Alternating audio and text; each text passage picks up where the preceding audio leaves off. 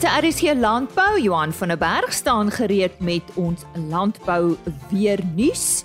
Dan praat ons oor lek aanvulling veral by herkouers. Na mate die groeiseisoen van veiding tot 'n einde kom, verhoog die veselinhoud en die proteïeninhoud verlaag. En die gevolg hiervan is 'n probleem met verteerbaarheid. Andre Besuidnout van Fitech gee vanoggend raad hieroor. Dan het ons medewerker Christelise Miller onlangs by die Graan SA Kongres met Josef Swanepoel gesels. Hy is 'n besproeiingsboer en ook van die Krokodil Wes Besproeiingsraad in Noordwes. Hy vertel haar hoe hulle te werk gaan om skade te voorkom tydens vloede, maar ook oor die belangrikheid van goeie verhoudings tussen verskeie rolspelers, want tydens droogte wat op pad is, is dit net so belangrik. En aangesien Dinsdag 'n vakansiedag was, het veilinge nie in die Noord-Vrystaat plaasgevind nie. Dus staan ons vleispryse met Chris Derksen oor tot volgende week. My naam is Lise Roberts. Baie welkom by ver oggend se program. Baie welkom weer eens ver oggend aan Johan van der Berg, soos altyd op sy pos met ons nuus oor eh, die weer en hy fokus daarom so hier en daar dan ook op landbou weer wat belangrik is vir ons produsente in Suid-Afrika. Johan, ek het uh, lanklaas met jou gepraat oor La Nina. Ek dink spesifiek daarna verwys wat nou soos jy vroeër gesê het oorgaan na 'n El Niño. Wat sien jy daar rondom? Ja, die La Nina is nou in in 'n neutrale mens kan sê fase maar in 'n neutrale tydperk waar die see temperature in die Nino gebiede so tussen 0.5 grade Celsius koeler en 0.5 grade Celsius warmer as normaal is. So dit lyk asof dit uh, uh die ander indekse soos die suidelike oscillasie indeks wat vir ons 'n goeie aanduiding is van hoe die weerstelsels reageer uh op El Niño en La Niña het ook nou vir die eerste keer het dit begin wegbeweeg van La Nina en spook nou neutraal. Dit maak voorstellings natuurlik baie moeilik want uh, daar is nog oorblyfsels van La Nina wat kan voorkom uh neutrale toestande of neutrale see temperature se voorstellings lyk anders. Maar as ons net so 'n bietjie die, die kort medium termyn lyk dit asof daar nog 'n klomp reën moontlik is uh hier in die volgende maand of twee tot hier middel Mei maand. Tradisioneel met 'n La Nina verskynsel as daar 'n suiwer La Nina is, dan kry ons oor groot gebiede van die land nog steeds reën of reën tot hier in Mei maand. So dit lyk tog of vir al die sentrale na westelike gedeeltes hier nog einde April, Mei maand se kant 'n klomp reën kan kry. Vir die volgende paar weke met die sikloon Freddy wat uiteindelik nou verswak het en uh, ons huiwer om te sê reg is maar waarskynlik gedisintegreer het. Ehm uh, is daar nou 'n bietjie tropiese vog wat oor Namibië, Botswana begin afbeweeg. En veral vir die noordelike dele van uh, Namibië is daar nog 'n redelike kans vir reën uh vir 20 40 mm en ek wil sê so noord van Windhoek, noordoos van Windhoek uh voor die einde van Maart. Uh en dan lyk dit ook so die eerste week van April as ons daar ook 'n klompie reën kan voorkom. Nog nie swaar reën nie, maar uh oor groot dele van Suid-Afrika uh wat daar dan in in veral in die eerste week van van die uh, April uh, reën verwag kan word. Dit is baie interessant die meeste reën die afgelope paar weke kom voor oor die Oos-Kaap gedeeltes. Hier ons het gesien swaar reën 50 70 mm uh, op plekke wat voorgekom het. So ons is baie bly daarvoor want dit is sekerlik die droogste gebied of veral die suidelike dele van uh, die Oos-Kaap uh, in die land tans. Die wat wat die El Niño betref, dit lyk asof ons gaan oorgaan in El Niño toestande hier van Augustus, September, Oktober se kant. En in terme van reënval met uh, El Niño verskynsel is daar gewoonlik bo-gemiddelde reën, net wel bo-gemiddelde reën Augustus, September en Oktober uh oor groot dele van die land, veral die westelike gedeeltes. Maar dan hiervan omtrent November, Desember, Januarie se kant uh en selfs die tweede deel van die somer verwag ons dan onder gemiddelde reënval. So die kans is baie goed en ek sê die kans uh, ek die op hierdie stadium is daar al meer as 70-60% kans dat die El Niño gaan ontwikkel en dat ons droër toestande gaan ervaar. Wat die Weskaap betref, ons sien dat daar kort kort nog afsny laagdrukke voorkom. Uh hierdie week ook en redelike swaar reën wat voorgekom het en voorkom oor gedeeltes van die Weskaap dan. Veral uh dit lyk my meer na die Suid-Kaapse kant toe. So ja, kort medium termyn uh as hier nog 'n klomp reën, maar dit is bevrees van volgende somer die midsomerse gedeelte gaan ons ondergemiddelde reënval kry vir die somerreënval gebied. Johanna, as dit teken van vroeë ryp dalk wat jy al met ons kan deel nie, nog nie. Dis altyd moeilik. 'n hmm. Soortgelyke jaar soos vanjaar in 2012, toe die La Nina ook verswak het, het ons redelike vroeë ryp gekry.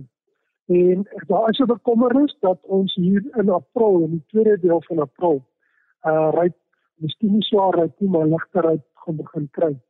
Net koue fronte wat deurkom en so dit lyk nogal asof hier 'n kans is dat ons in April hoe verder suid jy gaan, hoe groter is die kans. Ehm um, kom ons sê die meer noordelike provinsies waarskynlik eers hier Junie, Julie se kant. Maar Noord-Kaap, Vrystaat, Oos-Kaap se binneland, die binneland van die Weskaap, uh hier van die einde van of kom ons sê die tweede deel van April af, lyk die kans baie goed. Ja, so sê Johan van der Berg. As jy nou eers ingeskakel het, goeiemôre. Jy luister na RSG Landbou. Baie welkom. Die gebruik van lekke as aanvullende voeding vir herkouers is algemeen op veral ekstensiewe veeplase. Nou klimaatstoestande en seisoene tot gevolg dat veldweidingskwaliteit en kwantiteit gedurende die jaar aansienlik wissel. Andre Besaidnout van Feedtech praat vanoggend met ons daaroor uh, en hy fokus spesifiek op herkouer lek aanvulling en die gesprek wat ons vandag het sluit ook 'n paar aanbevelings in. Andre, goeiedag en dankie dat jy met ons gesels. Wat gebeur met veiding teen die einde van 'n seisoen? Verduidelik vir ons. Hallo Lisa. Ja, aan die einde van die groei seisoen verhoog die veselinhoud van veldweiding na mate dit droër word en gevolglik gaan dit gepaard met 'n afname in die verteerbaarheid daarvan en dan ook die proteïeninhoud van die weiding wat verlaag. Watter invloed het dit op die voeding en algemene produksie of reproduksie van ons diere en in hierdie geval herkouers? Hierdie verlaging in voedingswaarde van die, die weiding het in sekere gevalle veral wanneer die proteïen laer as ongeveer 6% haal en die verteerbaarheid minder as ongeveer 50% is. Met ander woorde wanneer dit 'n 'n goeie uh, redelike verlaging is dan het dit van in die veselvertering deur die mikroorganismes in die rumen tot gevolg uh wat dan uh gevolglik verder uh aanleiding gee dat die proteïen tekort sterf hierdie mikroorganismes eintlik af en daarom neem die inname van die veiding deur die dier ook af wat natuurlik 'n direkte effek het op groei, kondisie en reproduksie van diere. So wat beveel julle aan? Ons moet eintlik die mikroorganismes in die rumen van die dier bestuur. En en as ons gesels oor veldbenutting, dan kan die benutting van veld verbeter en gestimuleer word deur die korrekte aanvulling van voedingsstowwe wat vertering en gevolglik die inname van veld verbeter. Nou die korrekte verhouding van nie proteïen, stikstof, energie en sekere minerale is goeie voeding vir hierdie mikroorganismes in die dier se rumen wat vesel verteer en korrek saamgestelde lekke kan dan uitstekend vir die doel uh, aangewend word. Nou goed Andrei, dis meer oor addisionele proteïen, wat kan nog 'n rol speel? Die mikroorganismes in die rumen van die dier het natuurlik ook 'n sekere hoeveelheid energie saam met proteïen nodig vir die effektiewe benutting van daardie proteïen en natuurlik verder daarmee saamspeel minerale en vitamiene ook 'n belangrike rol by metabooliese prosesse, gesondheid en vrugbaarheid. Hoewel skape baie meer selektief wy as 'n uh, beeste, kan selfs fosfaattekorte by skape ook voorkom tydens verhoogde reproduksiefases. So uh, ja, en en lekke kan slegs effektief uh aangewend word indien daar voldoende refoer op die veld beskikbaar is. Diere kan nie van lekke alleen lewe nie. Is daar verskillende tipes lekke, Andrei? Ja, daar is beslis verskillende lekke volgens die veldtipe, die groei seisoen en dan natuurlik ook die kondisie en fisiologiese stadium van diere. Gedurende die groen seisoen of die reenseisoen op groen weidings is fosfaat gewoonlik die eerste beperkende faktor en begin ons gewoonlik met 'n fosfaat lek aanvulling dan later in die seisoen wanneer die groen weiding se kwaliteit begin afneem dan is die voorsiening van matige hoeveelheid uh, proteïen in die vorm van nitrogen, stikstof en energie saam met die fosfaat uh, dan aan te beveel en hierdie lekke noem ons gewoonlik oorgangslekke met ander woorde in 'n oorgangsfase tussen die somer en die winter. En dan wanneer dit in die winter of droë seisoen is, uh, vroeg winter wanneer voldoende veiding nog beskikbaar is, is 'n proteïenlek met matige energie-insluiting belangrik om die droë uh veldveiding suksesvol te benut en later wanneer die relatief maklik verteerbare materiaal begin afneem en tydens toenemende fisiologiese behoeftes byvoorbeeld voor lam of kalwing dan sal 'n produksie of 'n energielek die aangewese lek wees. So ja, daar is beslis verskillende lekke vir verskillende uh tye van die uh groei siklus van die veld en volgens die behoeftes van die diere. Andre baie dankie vir jou tyd en die goeie raad. Net ten slotte aan ons uh, produsente. Uh ja, ek dink saam met veldtipe en die toestand daarvan moet ons in gedagte hou dat die kondisie en fisiologiese stadium van die dier het 'n belangrike effek op die tipe lek aanvulling waarop besluit moet word. Maar die goeie nuus is dat lek aanvulling kan strategies op die regte tyd baie suksesvol aangewend word om tekorte vir volgehoue en goeie produksie te verseker. Andre, indien iemand graag met uh, een van julle by Fitech wil gesels, wat is die beste? Moet hulle maar julle webtuiste raadpleeg? Ons het ja, Lise, ons het 'n uh, eh, 'n uh, eh, verteenwoordigers reg deur die land en die beste sal wees om op die Fitech webtuiste te gaan kyk wie is die naaste verteenwoordiger of voedingskundige dan aan die spesifieke boer vir wie hy kan skakel om hom daarmee te help. Goed, en die webtuiste is www.feedtech.co.za. Ek het gesels met Andre Besuitnout. Hy is wel een van hulle voedingskundiges. Hy sê vir my hy is daar in die Kraddock omgewing. Hy het vandag met julle gesels oor herkouer lek aanvulling. En uh, soos hy gesê het, daar is mense wat julle kan help dwars deur die land. Kom ons herhaal net daardie webtuiste gaan kyk gerus daar www.feedtech.co.za.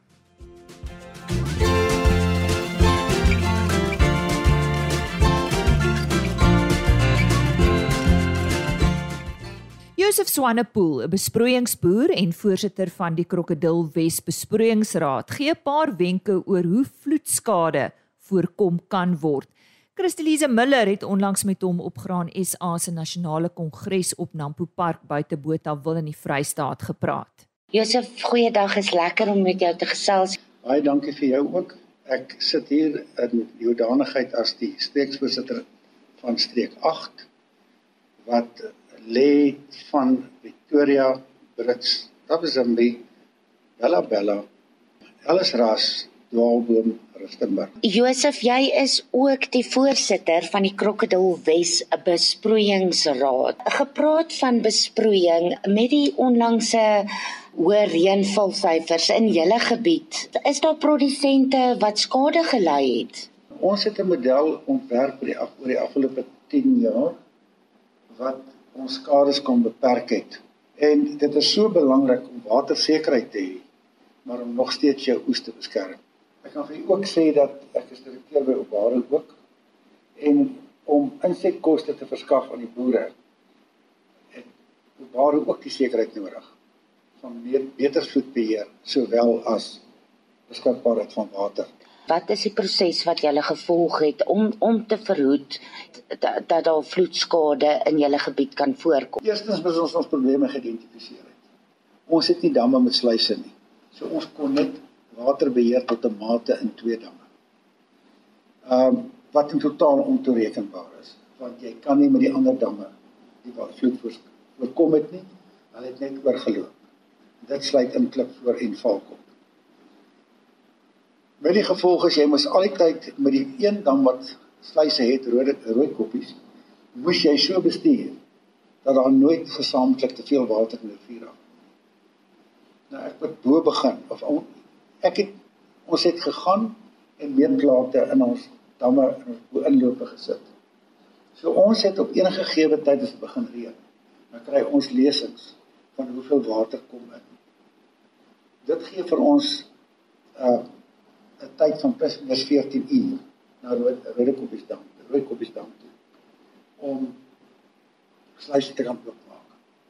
Nou ons weet nou al dat Rooikoppiesdam as ons daar 12 sluise oopmaak, kry niemand skade nie. En die water bly binne die rivierwalle. En hy moet so gelos gelaat word dat as klip voor begin inloop waar die samevloeiing is, dat ons kan toemaak dat hy kan sak sodat klip voor se water kan inloop as die blokke tegnies tot almal se lande ingesluit myne ook onder water. So ons het al die tyd het ons die dam in die somer bestuur ons met 'n plus minus 20%, 25% stoorkapasiteit wat ons nie benut nie. So as Hartbeespoort dam of iemand bo oopmaak ons het baie klomp reën kry, dan kan ons met daai 25% die water bestuur um, en geleidelik uitlaat sonder dat hy oorloop. Dit het nou geskied in noue samewerking met die departement. Die departement was aan die begin nie toegeneem daarmee nie. Want hulle het die beleid van damme met op 'n volbasis bestuur word. Maar dan kan jy geen beheer toepas nie. En na samesprekings en goeie samewerking het ons dit reg gekry om dit te doen. En weer eens met absolute genade het ons elke jaar 15de 20ste Mei ingegaan met ons damme vol. Wat ons dit kon bestuur het dat hulle weer vol was sonder skade. En die belangrikste in hierdie waterbestuur is jy moet weet wat inkom. Jy moet spasie hê om te kan akkommodeer vir die spitse van watervloei. En baie belangrik, jy moet weet wat jou riviere kan dra voor dit skade maak. Wat is bron van kommer as ons kyk na uh, vloedbestuur in in julle geval maar selfs in die breë prentjie. Eerstens wil ek vir jou sê hierdie is nie om iemand aan te kla nie. Hierdie is wat ek sien in toekoms om mense te help. En ehm um, eerste ding is jy moet sorg dat jy weet wat jy wat inkom. Jy moet weet wat jy kan uitklaar. Dan kan jy tot 'n mate goed bestuur.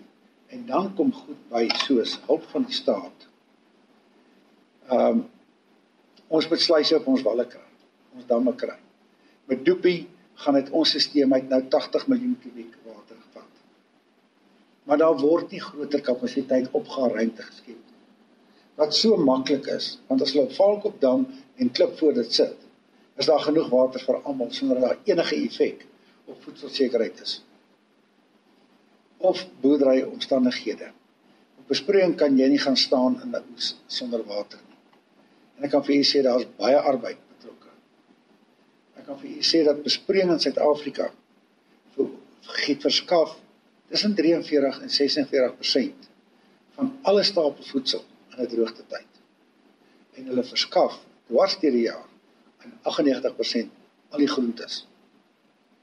So as ons met waterkwaliteit sukkel en waterhoeveelheid sukkel, gaan dit uiteindelik voedselsekuriteit en werksgeleenthede in gedrang bring. Josef, wat is jou boodskap aan mede besproeiingsboere, selfs droëlandboere aan die landbougemeenskap. Ek dink 'n mens moet 'n duidelike onderskeid tref tussen besproeiingsboere en droëlandboere. Ons behoefte verskil hemelsbreed. Daar is byvoorbeeld nie vir ons versekerings op besproeiingsboere teen vloede nie. Maar daar's wel droogte op vir boere onder droogte toestand. So ons grootste bedreiging is vloede. Maar ons het geen versekerings daarvoor. Dis ons eerste tweede probleem is ons wil verskriklik graag saam met die staat werk en damme bou en damme se walle verhoog en so 'n klomp water meer spaar vir almal vir werksgeleenthede vir beter kragontwikkeling en beter beter waterbeheer. En dan die verdere ding is ek dink 'n mens moet absoluut op hoop vestig en op jou lewe laat loop en nie terugkyk nie. En besluit dat jy gaan aangaan en jy gaan iets bou vir die land, vir jou kinders en vir jou nageslag. Maar is dit haalbaar om saam met die regering te werk om hierdie doelwitte te bereik? Daar is verseker baie goeie mense wat ons moet ontgin wat bedreig voel by waterwese wat ons verseker kan gebruik en wat toeganklik is ons moet net met 'n dokter Philips ehm um, kan toegang kry. En hierdie minister wat daar nou is, is oop. Mense kan met hom praat. So ek wil vir julle sê dat van my kant af ehm um, en nou is daar twee adjunkt ministers by waterwese. Ons gaan hulle verseker ontgin. Ons gaan verseker daar probeer ingaan en help om die situasie aan te spreek vroegtydig. Die probleem is nie nou nie. Die probleem gaan kom wanneer ons ondergemiddelde reënval het. Wanneer die damme leeg raak. Ons mekaar sê daar is nie water nie. Daar is 'n goeie plek in die Krokodil rivier in die benede Krokodil rivier by Vleepoort om 'n dam te bou wat 40 miljoen kubieek kan water hou. Wat se wal as hy gelig word na 7 meter genoeg druk gaan veroorsaak dat die water sonder om te pomp gaan vryloop tot in Ellisras. Ek wil vir weer sê Ons poging is nie individuele nie. Dit is 'n groep mense wat saamwerk en mekaar se hande vat en mekaar ondersteun dag en nag. Dis nie iets wat van 8 tot 4 of 8 tot 5 gaan nie. Dit is 'n 24 uur waterbestuur projek in die somer. En julle het goeie vordering gemaak as bewys daarvan het julle goeie vordering gemaak by die Krokodil Wes besproeiingsraad. Ons het verseker. As ek vir julle sê dat er mense vergrootnisse mense sê dat Hartbeespoort dra 180 miljoen kubieek water. Ons het nou 4 van hulle hierdie somer uitgelaat. Volledige damme se water wat in die verlede verseker al 3 4 vloede sou veroorsaak en deur samewerking en goeie bestuur kon ons dit reg gedoen het. Ons kan dalk eendag ons boek op ons knie gevang word en nie met 'n dam sit wat 100% is vir die volgende seisoen nie, maar hy sal ten minste op 80 85 wees. Josef, waar kan mense met jou in verbinding tree? Hulle kan my kontak by Obaru ehm um, landboubesigheid of by Graan SA. My e-posadres is J O S E P H Joseph S @obaru.co.za. Ek herhaal hom. Joseph J O S E P H S @obaru.co.za. Alles klein letters. En my selfoonnommer is 083 759 2373. Ek wil herhaal Hierdie is nie om iemand se tone te trap. Hierdie is om 'n toekoms te skep vir alle besproeiingsboere in die land. En dis maklik om te praat in tye wanneer dit reën dat hier genoeg kos in die land. Maar ek kan vir waarborg as ons in 'n droogte ingaan sonder water en ons het nou die geleentheid om genoeg water op te grawe en vir ons osekerheid en kossekerheid te verskaf in hierdie land. Dankie Josef. Dit was Josef Swanepoel, 'n graanprodusent in die Kuduskop gebied tussen Brits en Tabazimbi. Hy's ook betrokke by Ubaru en die voorsitter van die Krokodil Wes besproeiingsraad. Dis dan 'n gesprek wat Christelise Miller met Josef Swanepoel gehad het. Dis dan vandag se RSG landbou en ook my kuier saam met jou vir hierdie week. Ek is by maandagooggend om 5uur terug. Heelwat nuus vanaf die Noord-Kaap. Ons medewerker daar, Koos de Pisani, het 'n paar stories vir ons teruggebring. Maar indien jy iets misgeloop het hierdie week, jy wil dalk weer daarna luister, onthou die volledige program op rsg.co.za as potgooi beskikbaar. Jy kan ook gaan kyk vir die onderhoude wat afsonderlik gelaai word op agriorbit.com. Kyk net bo aan die bladsy onder podcast of jy kan vir my e-pos stuur. RSG landbou by plaasmedia.co.za. Ek herhaal RSG landbou by plaasmedia.co.za. Geniet jou dag wat voorlê en sterkte vir jou naweek. Tot maandag 5:00. Totsiens en onthou, vanaf 1 April word RSG landbou van 25 oor 5 tot 5 voor 6 uitgesaai. So bietjie later. RSG landbou is 'n plaas media produksie met regisseur en aanbieder Lize Roberts en tegniese ondersteuning deur Jolande Rooi.